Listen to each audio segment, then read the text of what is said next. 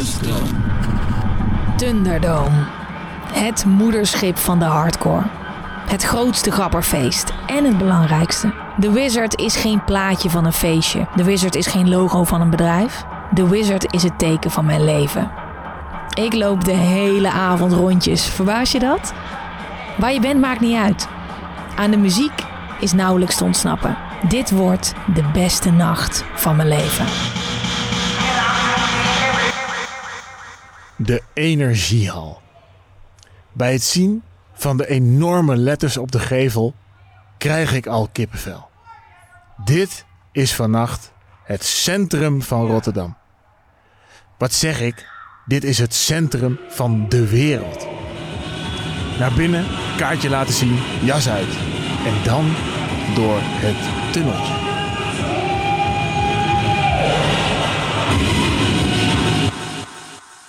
Welkom bij de tweede aflevering van Hardcore Never Dies. We gaan vandaag met twee gasten in gesprek. Sander Groet, oprichter van Mysteryland, het langslopende dancefestival ter wereld, besef even. En na de eerste editie van Mysteryland sloot hij zich aan bij ID&T en dat speelde een cruciale rol in de ontwikkeling van onder andere Mysteryland en mijn geliefde Thunderdome. Ook is hij de man achter Club Air, Amsterdam Open Air en de Adamtoren. En we hebben Sjors Russeler, de Rotterdamse house en hardcore pionier van het allereerste uur. En zoals de meeste Rotterdammers staat hij niet vooraan om die aandacht op te eisen. Maar als DJ Distortion, Riesje Entertainment en de man achter Rotterdam Terror Corps is hij een van de reuzen op wiens schouders de hele hardcore scene anno nu staat. 30 jaar geleden begon Sjors met de legendarische feesten in de Energiehal in Rotterdam.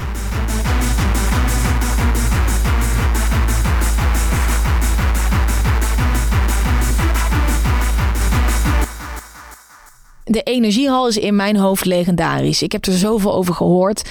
Ik heb gezien dat mensen hem getatoeëerd hebben. Maar wat was dat nou voor plek? Oké, de hal stond aan de energie, Energieweg 5 in Rotterdam. Uh, langs de snelweg naast uh, de, de Rotep en uh, het zoutstrooibedrijf van Rotterdam, zou ik maar zeggen. Uh, vlak bij de brandweer was ook heel handig. En uh, ook niet te ver van de politie. Dus uh, ja, dat was minder. Kan niet alles hebben natuurlijk. Dus het mooie was van die hal dat het, hij lag vrij afgelegen. Alleen het nadeel was, de lage woonboten. En met die bassen van ons, ja, de hal die was ongeveer 140 meter lang bij 60 meter. Ook nog eens een meter of 15 hoog. Ja, het was één grote klankkast werd het. werd één grote baskast. Dus uh, toen wij voor het eerst echt geluid daar neerzetten. Ja, toen trilden de mensen in de woonboontjes uit hun bedden. En ja, toen kregen we onze eerste waarschuwingen, toestanden. Maar vroeger deed de politie eigenlijk niet zo moeilijk, joh met, uh, met het, uh, het, het, het, waarschuwen was dat meestal ja joh, het zet het wel wat zachter. Nou, en toen was het eigenlijk acht uur, toen was het al afgelopen. Ik wilde je eigenlijk vragen, waarom heet het eigenlijk de energiehal? Maar dat komt waarschijnlijk omdat hij aan de energiehal of aan de energieweg ja, lag. Want ja. er is natuurlijk geen betere naam te verzinnen voor, nee. een, uh, voor een, een gabbertempel, nee, toch? Nee, nee het was, dat was wel leuk. Het werd ook jaren energiehallen genoemd. Dat is ook wel grappig. Um, ja, dat hebben wij zelf verzorgd. Doordat wij uh, um, bij het eerste feest meegereef in oktober 93, zetten wij toen een hele grote hal ernaast, zo'n aluhal. En uh, ja, we hadden één klein probleempje, stond een boom in de weg. Nou, uh, gelukkig kende ik iemand bij de gemeentedienst. En die zei van, oh, we gaan hem wel even een stukje kappen. dus dat werd ter plekke even geregeld. Ze deden hun oranje hesjes aan. Politie kwam aan. Hebben jullie daar vergunning voor? Ja hoor, oké. Okay, hey. Werd geregeld. En toen stond er ineens een halve 60 meter naast de energiehal. Toen zeiden wij in de energiehallen. Om het gewoon extra groots te maken ja, eigenlijk. Ja, ja. En hoeveel mensen pasten erin? Officieel 3300 volgens de gemeente. Aha, maar ik zie jouw ogen beginnen te glimmen. Ja. Er waren er misschien wel eens wat meer? Ja, bij de laatste party in uh, 99, of tenminste 31 uh, december 98, toen was de VIP alleen al 1800 man. hadden we dat, de super VIP. dat was het einde. Neem eens even mee uh, naar het begin. Hoe kwam je daar in de hal terecht? Nou, ik begon met een feestje in Ahoy, House Party Ahoy in 1990. En dat was, uh, uh, ik had familiewerk in Ahoy. Mijn tante die zat in de catering daar. En mijn oom die werkte voor de beveiliging en het schoonmaakbedrijf. En die zorgde dat ik een uh, afspraak kon maken met de baas daar. En toen werd er gewoon eh, op goed, vertrouwde, eh, goed vertrouwen een feest eh, geregeld daar. Hoe oud was je toen? Even... Eh, 22, en meteen ahoy. gelijk. Jezus, stalen zenuwen, man. Ja, ik, eh, ik moest toen betalen, de, de huur betalen. En ik weet niet of je die, eh, die postgiro-checks nog kent van vroeger. Ik wel, ja, ja. Die kon je toen uitschrijven tot 300 gulden per stuk. Ik moest 10.000 gulden aanbetalen. En toen heb ik eh, gewoon eh, bij de postbank toen gezegd... ik ga op vakantie, ik heb 50 checks nodig. Maar dat kon je drie weken achter elkaar doen. Dus ik heb toen gewoon iets van 150 checks had ik toen laten komen. En toen heb ik er... eh, ja, iedere keer heb ik gewoon eh, dan weer een check van 200, 300 en dan deed ik in een envelop. En zei ik, ja, hier is 4000, hier is 5000. Ik zeg, maar wil je het pas in als, het, eh, ik, ik, ja, als, als de kaarten verkocht zijn? Dat, ik probeerde het zo een beetje te regelen. En die vent, ja joh, is goed joh. Dus eh, ik, ik had dat geld helemaal niet. En hoe ging het feest? Ja, eh, fantastisch. Het was eh, bijna uitverkocht. Ehm, alleen, eh, ja, ik had hele, hele goede security aan de deur. Die vonden het ook niet erg eh, dat als je geen kaartje had, dat je aan hun 25 gulden gaf en naar binnen ging. dus eh, ja, dat, eh, dat, dat was... ja, maar goed, aldoende leert men. Your dead skull! You fucked with the wrong Marine!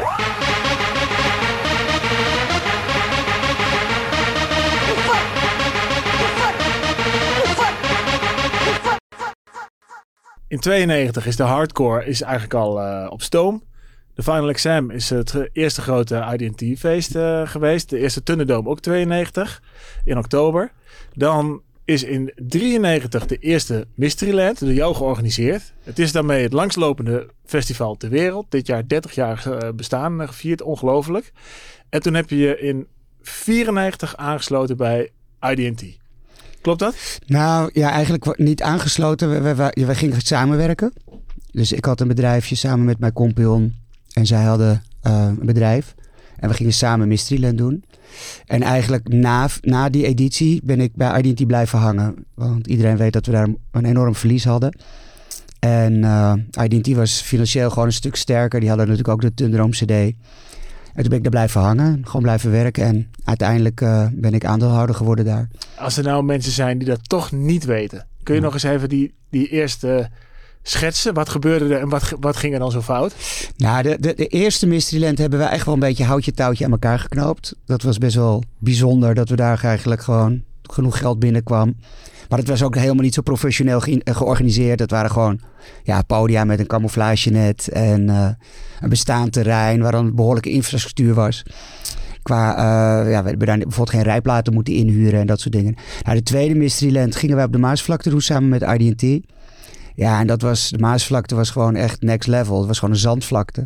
Geen faciliteiten. Ja, helemaal niks. Dus ga daar maar eens een feest doen en een festival. En alle vrachtwagens zaten tot hun ars in het zand. Dus we moesten daar echt heel veel extra kosten maken. Plus de kaartverkoop viel tegen. En toen zijn we nou, ongeveer een miljoen ehm, in de min gegaan. En dat was 30, 30% van mij. En ja, dus ik had op mijn 25ste 300.000 gulden schuld. Holy shit. Dus dat was best wel eh, een, eh, een eh, ja, dat had best wel impact. Maar ik heb, ik heb het nooit echt zo gevoeld. Ik was zo, altijd zo vol van, van het organiseren. En eh, ja, we gingen gewoon door. Dus dat, dat was voor mij niet echt een belemmering om ermee door te gaan. Ja, maar dat was eigenlijk mijn volgende vraag. Dat je dat durft. Dat je zo jong bent en dat je het zo groot neerzet. Kun je eens beschrijven wat het dan... Wat voor kracht dat in je was? Ja, ik, ik weet niet waar dat vandaan komt. Want ehm, ik kom niet echt uit een ondernemersfamilie. Alleen ik heb altijd wel heel groot durven denken. En eh, ook risico's dus blijkbaar durven nemen die andere mensen niet zouden nemen. Want ja, ik had op mijn 25 wel echt deurwaarders op de stoep staan. En eh, best wel langer over gedaan voordat ik helemaal weer... eh, ik ben nooit failliet gegaan. Maar ik ben wel... Ik had wel heel lang had ik schulden. En ehm, ja, toch, toch die, die drive van dat je met iets bezig bent van ja, dit, dit moet gewoon een succes worden. En ik had er ook zoveel plezier in. Dat was, dat was gewoon mijn leven. En mijn leven was, was feesten geven, kijken naar locaties en ja, daarmee door. Dus dat was, eh, ja, we waren er uiteindelijk ook goed in. Ja. En hoe reageerde jouw omgeving daarop? Want ik kan me zo voorstellen, 25, je bent echt geen kind meer. Maar je hebt wel ouders en je bent net in de volwassen wereld. Ik weet denk ook niet op je 25ste dat je dan al volwassen bent. Hoe ging jouw omgeving Nou, om? ja, ik, mijn- mijn moeder was al overleden toen ik 14 was, maar mijn vader, ja, die, was, die is leraar. Ja. En ik, ik, mijn eerste eh, Mysteryland organiseerde ik ook vanaf de zolderkamer bij mijn vader. En toen het zo misging, stonden ook de deurwaarders niet bij mij op de stoep, maar bij, bij mijn ouderlijk huis. Dus want dat was gewoon het, het postadres. En eh, die mensen waren ook best wel verbaasd dat ze met zo'n, eh, ja, eigenlijk privépersoon zaken hadden gedaan. Maar ehm, ja, mijn vader had, had wel, vond het wel, steunde het wel. Maar vond het ergens ook wel heel spannend. Die, eh, want die was ook ja, dat helemaal niet gewend, die wereld. En ik moest ook snel het huis uit. Want hij was ook bang dat, dat, dat zijn, zijn huis afgepakt zou worden. Misschien door... Ja, doordat het een soort onderpand was of zo. Dus ja, dat is. eh, dus ik, het was ook wel de, de keer dat ik, dat, ik, dat ik echt geld had verdiend. Was het ook wel voor mij een ontlading van. Ja, zie je wel. Ik heb altijd geweten dat ik met iets goeds bezig was. En nu kan ik dat ook bewijzen, want er is wat overgebleven.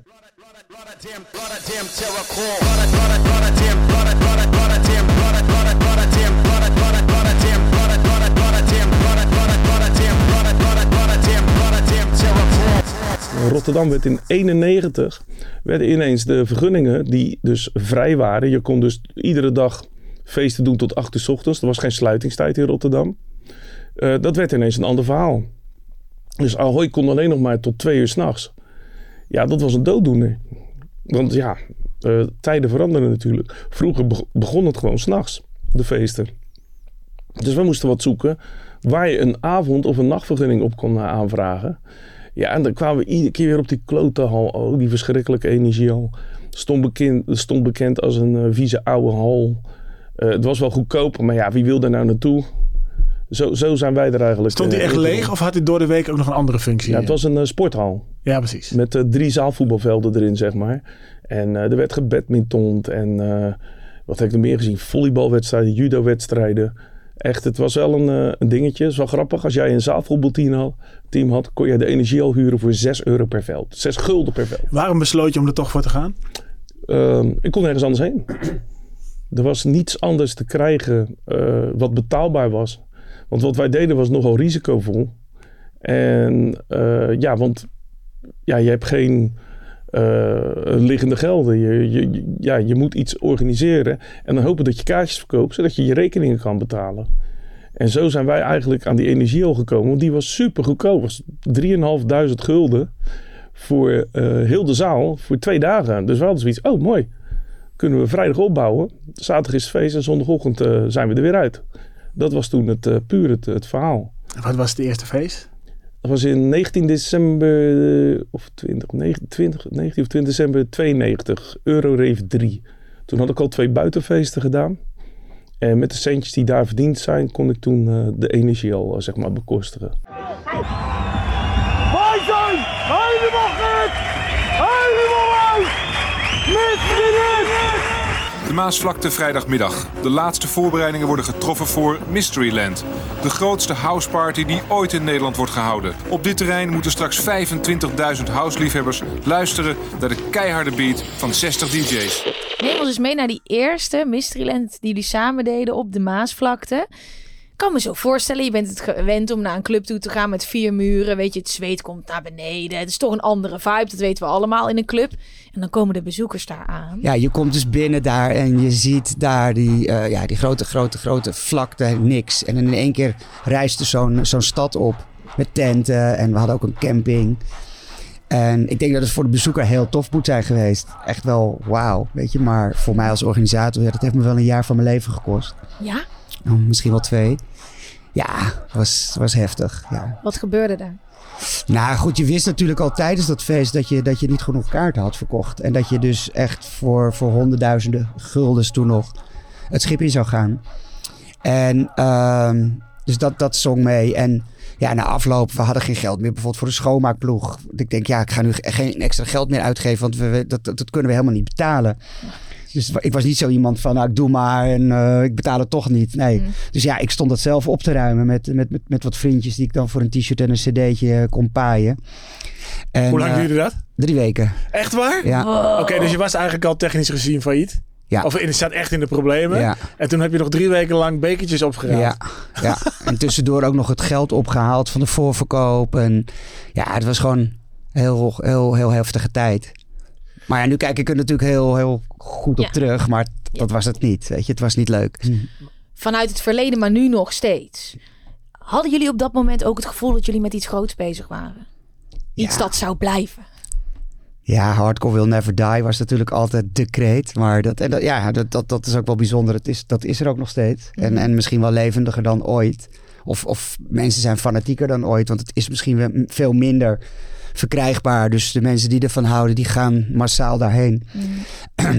Kijk, we, hadden vooral met iets, we waren vooral met iets groots bezig. Omdat dit soort, dit fenomeen, dat, dat met 10.000 mensen bij elkaar komen in een hal, bestond eigenlijk niet. Op, op, op, op, op, op een DJ. Dat was, in het verleden waren dat bands. Weet je, dat waren de grote bands uit eh, vooral Engeland, Amerika natuurlijk, die dat voor elkaar kregen. En wij deden dat gewoon met, met DJ's. Soms vaak alleen lokale DJ's of, of in ieder geval Nederlandse DJ's. Dus dat was gewoon heel bijzonder.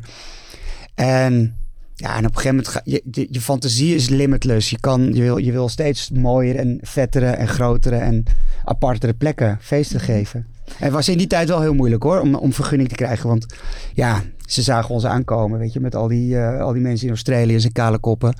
En vaak als we ergens waren, dan, dan mocht, was dat eenmalig. En dan moesten we daarna moesten we weer op zoek naar een nieuw terrein. Belangrijk is house voor mij. Ik zou het zo zeggen, als ik het niet zou kunnen doen en het is er niet, dat ik dan eh, weer crimineel word.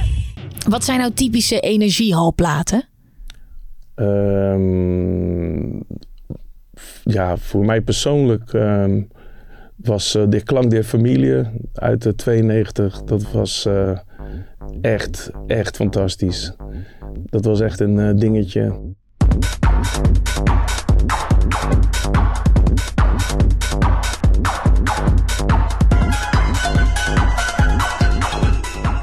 En ehm, eh, later de The First Rebirth Ja, van, Frank, eh, van Jones Stephenson. Dat was echt... eh, ja, wij deden eh, toen in 95 het eerste RTC-album uitkwam. Ehm, eh, RTC Rotterdam ja, Telekom. ja, toen eh, hadden wij een track eh, speciaal voor de Energieel gemaakt met een intro. Ja, toen die voor het eerst door de boxen schaalde, had ik ook zoiets van, ja, dit is zo vet. Heette die ook de eh, Energiehal? Was het een Eh, ode? Of volgens was het mij heette die Live at, eh, live at the Mega Rave of Live in the Energy Hall. Zoiets, zo'n soort titel hadden we het gegeven.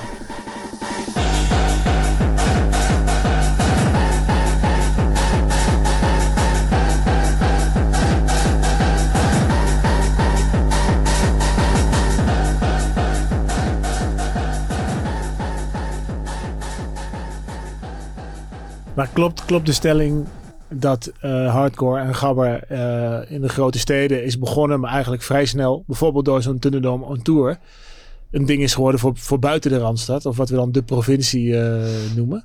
Nou, ik denk niet, niet zozeer door de Thunderdome Tour. Wij, wij zochten daarmee gewoon wel de, de plekken op waar, waar, mensen, waar, waar, we, waar we veel mensen kwijt konden. Dus de grotere discotheken waren vaak niet in de, in de grote steden.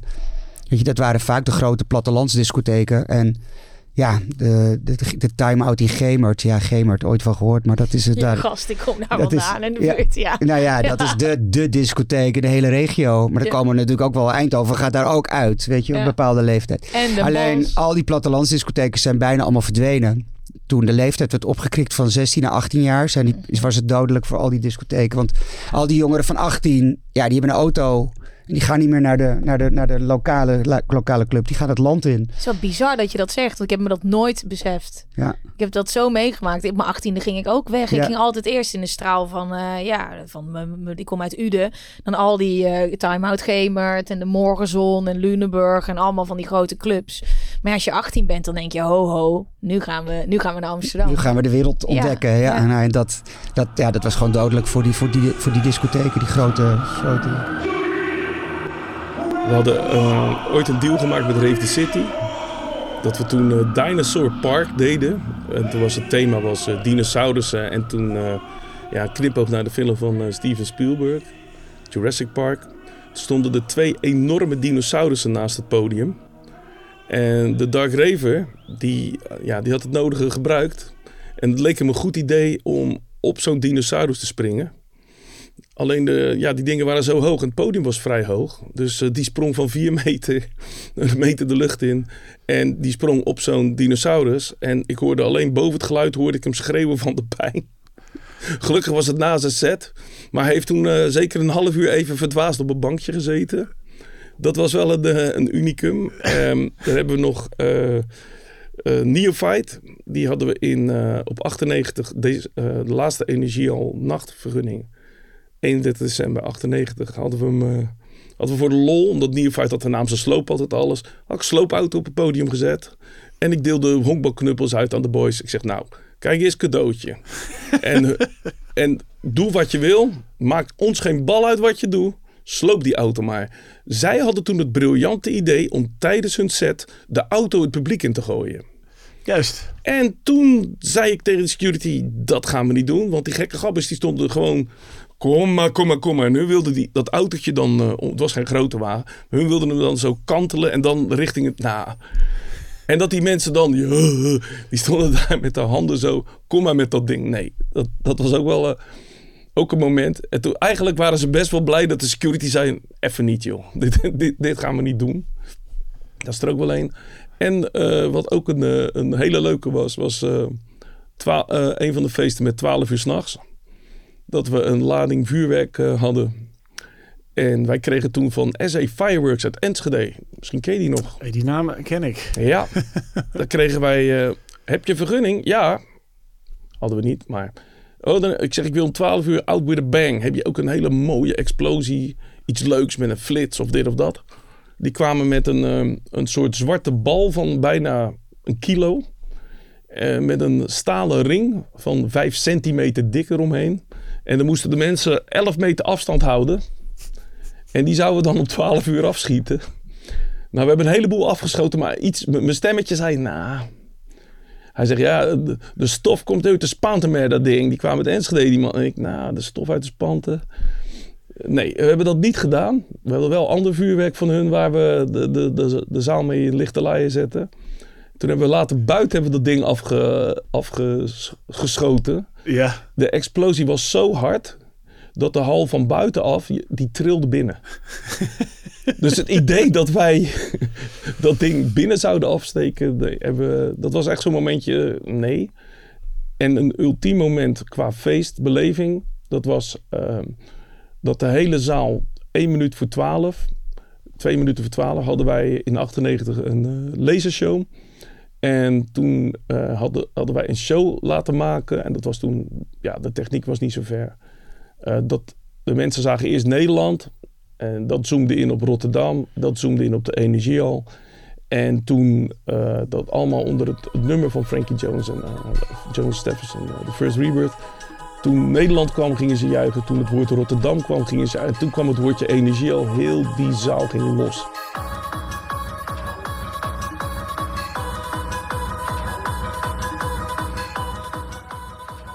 Hoe verliep een eh Thunderdome, een touravond? Was het wezenlijk anders dan een halffeest of was het gewoon iets in het klein? Tuurlijk, dat was. We kwamen dan in eh, s ochtends in die, in die club, daar hingen we wat spandoeken op. En eh, banners. En we hadden laser meegenomen. En we namen wat extra licht mee. En ehm, dat Klinkt was, heel makkelijk als je het zo beschrijft. Ja, nou, dat was het, was het uiteindelijk ook. En de discotheek betaalde daarvoor. Een betaal, betaald bedrag. En wij, wij ko- konden daarmee de DJ's en de, het artwork en alles betalen. Dus het was zeker geen, geen, geen, geen, geen vetpot. Maar het was wel, wel leuk om te doen. Ik wil eigenlijk ook even dat, dat je ons meeneemt naar Thunderdome. En in een van de edities die het meest is bijgebleven, wat zag je toen als je daar binnenkwam en wat voelde je? Ja, ik denk dat, dat, dat Antwerpen, dat vond ik wel het allervetste. Want dat was het oude, oude, oude sportpaleis. En eh, ik verkocht, ja, zaten we in België. Welk jaar? Ehm, ik denk 97 of 98. Ja, een van die jaren, 97, 98. En ja, dan konden we 18.000 kaarten verkopen. En dan verkochten we de 12.500 in Nederland. Dus en dan, met busladingen vol werden ze allemaal naar, naar België gereden. En dat was zo kicken. En dan een soort invasie van, van Nederlandse gabbers. Ik was natuurlijk in, de, in die, dat sportpaleis. En op een gegeven moment gingen ze, kwamen ze gewoon allemaal lopend aan. Want ze hadden geen zin meer om in die bussen en die... Nee joh, Ja, ze waren wel in de buurt, maar ze moesten dan lopend naar de afrit gaan. Want het sportpaleis was meteen daar, lag, lag naast de snelweg. oh mijn Dus, god, eh, die arme ja. Belgen, die dachten wat ja, gebeurt hier? Dat, eh, dat dachten ze ook zeker, ja. Maar dat, eh, ja, dat was gewoon, was gewoon, een, was gewoon een, een vette, vette, vette plek. Het was ook eh, het afscheid van eh, Weirdo, hè, de- een van de stakeholders Ja. eh, naast het Dream Team van de eerste jaren Thunderdome. Die is toen gestopt. En daarom is het Dream Team, Dano, Gizmo, Busfus en de Prophet eh, ook boven komen drijven als de, eigenlijk de namen die op die Thunderdome stonden. Maar Weirdo was daar ook een van. En die hebben we volgende week. Redelijk. Ah, doe nou niet zo dom, man. Het ging bijstachtig. Niet lullen. Eh, dat zeg jij. ah ja, dat is ook zo, ja. Geruchten die... eh Ja, nee, geruchten bevestiging nooit. maar, ehm, een beetje naar jouw verwachtingen vanavond. Ja, echt helemaal de wauw. is echt eh, helemaal te gek. Kikker publiek. Ik mag iedereen bedanken die eh, uit zijn plaat is gegaan. Want ik ben echt... eh, ja, dat is ongelooflijk. Te wauw. Te gek.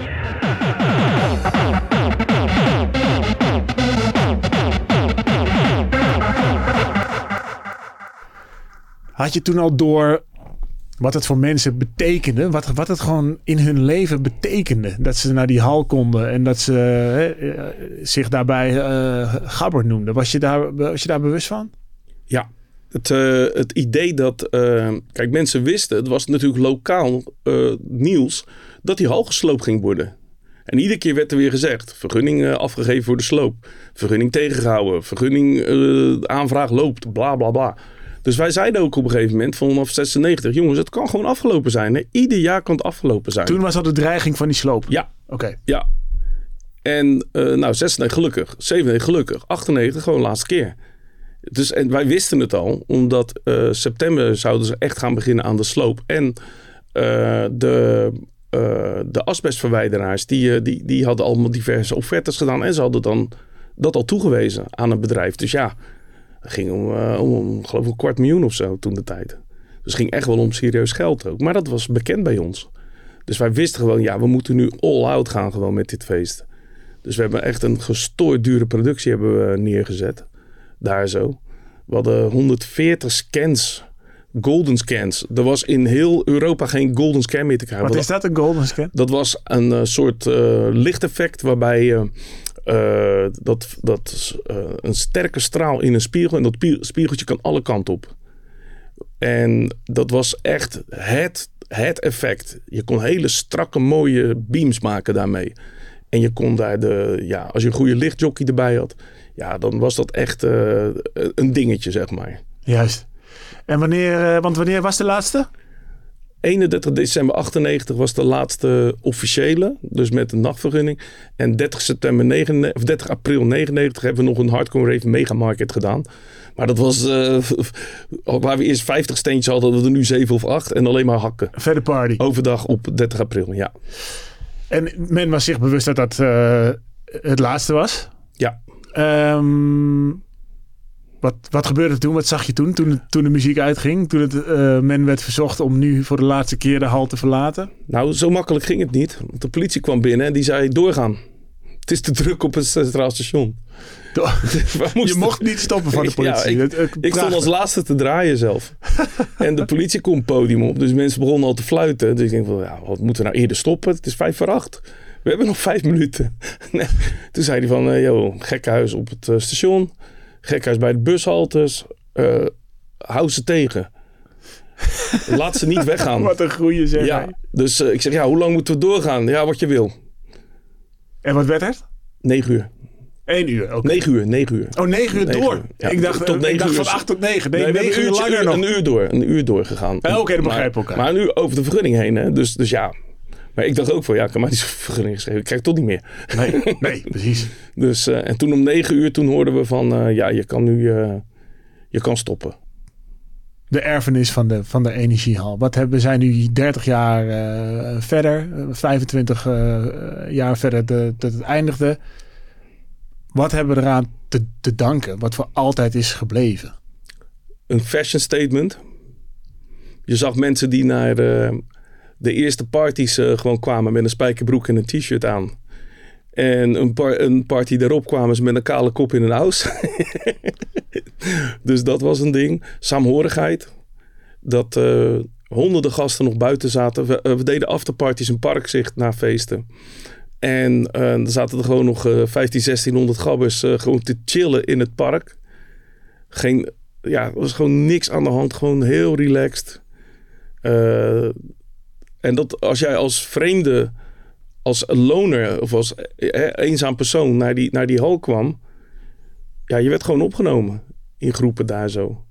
Er was, er was geen verdeeldheid of iets. Ja, ook mensen, meestal als er, wat, als er wat gedoe was, dan was dat niet met gabbers. Dan was dat met uh, sensatiezoekers of mensen die er helemaal niks hadden te zoeken daar. Juist. Dus van, nou, ik ga eens een keertje kijken. Van, oh, nou, ik ga zuipen en nu gaan we, gaan we knokken. Nee, dat was helemaal geen ding. Probeer maar ruzie te krijgen met gabbers. Die zeggen alleen maar sorry. Nee, zeker. zeker. Dus, dus, dus ook, en uh, meiden ook, fashion statements. Van, yo, ik, nou, uh, pot twee. Ik heb alleen maar een trainingspak aan en een toppie en ik ga. Doe mijn haar in de staart, dan kan ik lekker doorknallen. Ja, zo, hartstikke idee. Uh, nu, nu is het wel grappig. Ik vraag af en toe van meiden die naar die feest gaan, wat zeg je stappen tellen?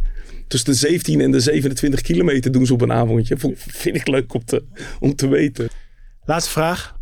Als jij uh, je ogen dicht doet en je denkt terug aan de, de 90s, aan de, aan de gabbertijd, aan de gabberpiek. Welke beelden poppen dan als eerst op?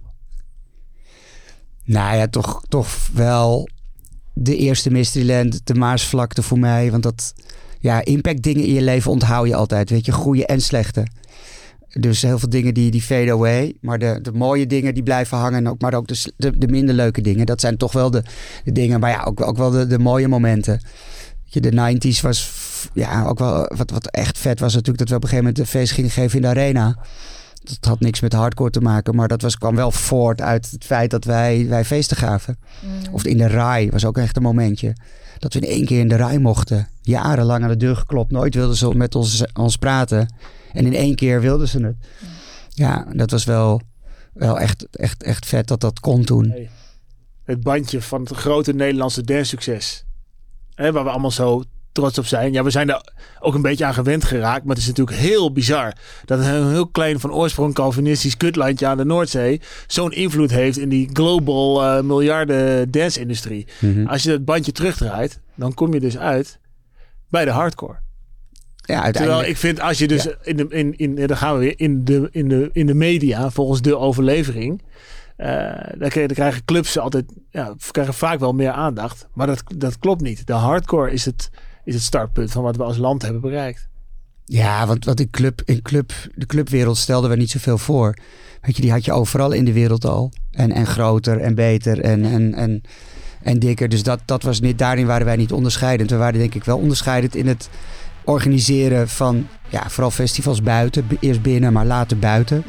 Dus ja. op de schouders van de gabbers is het danslandschap gebouwd. Ja, ja, eigenlijk wel. Want dat waren wel de, de grote buitenfeesten.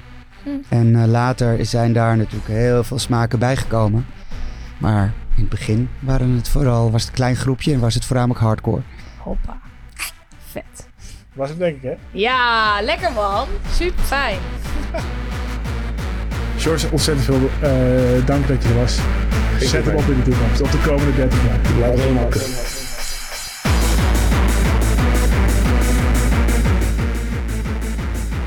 Leuk dat je luisterde naar aflevering 2 van Hardcore Never Dies.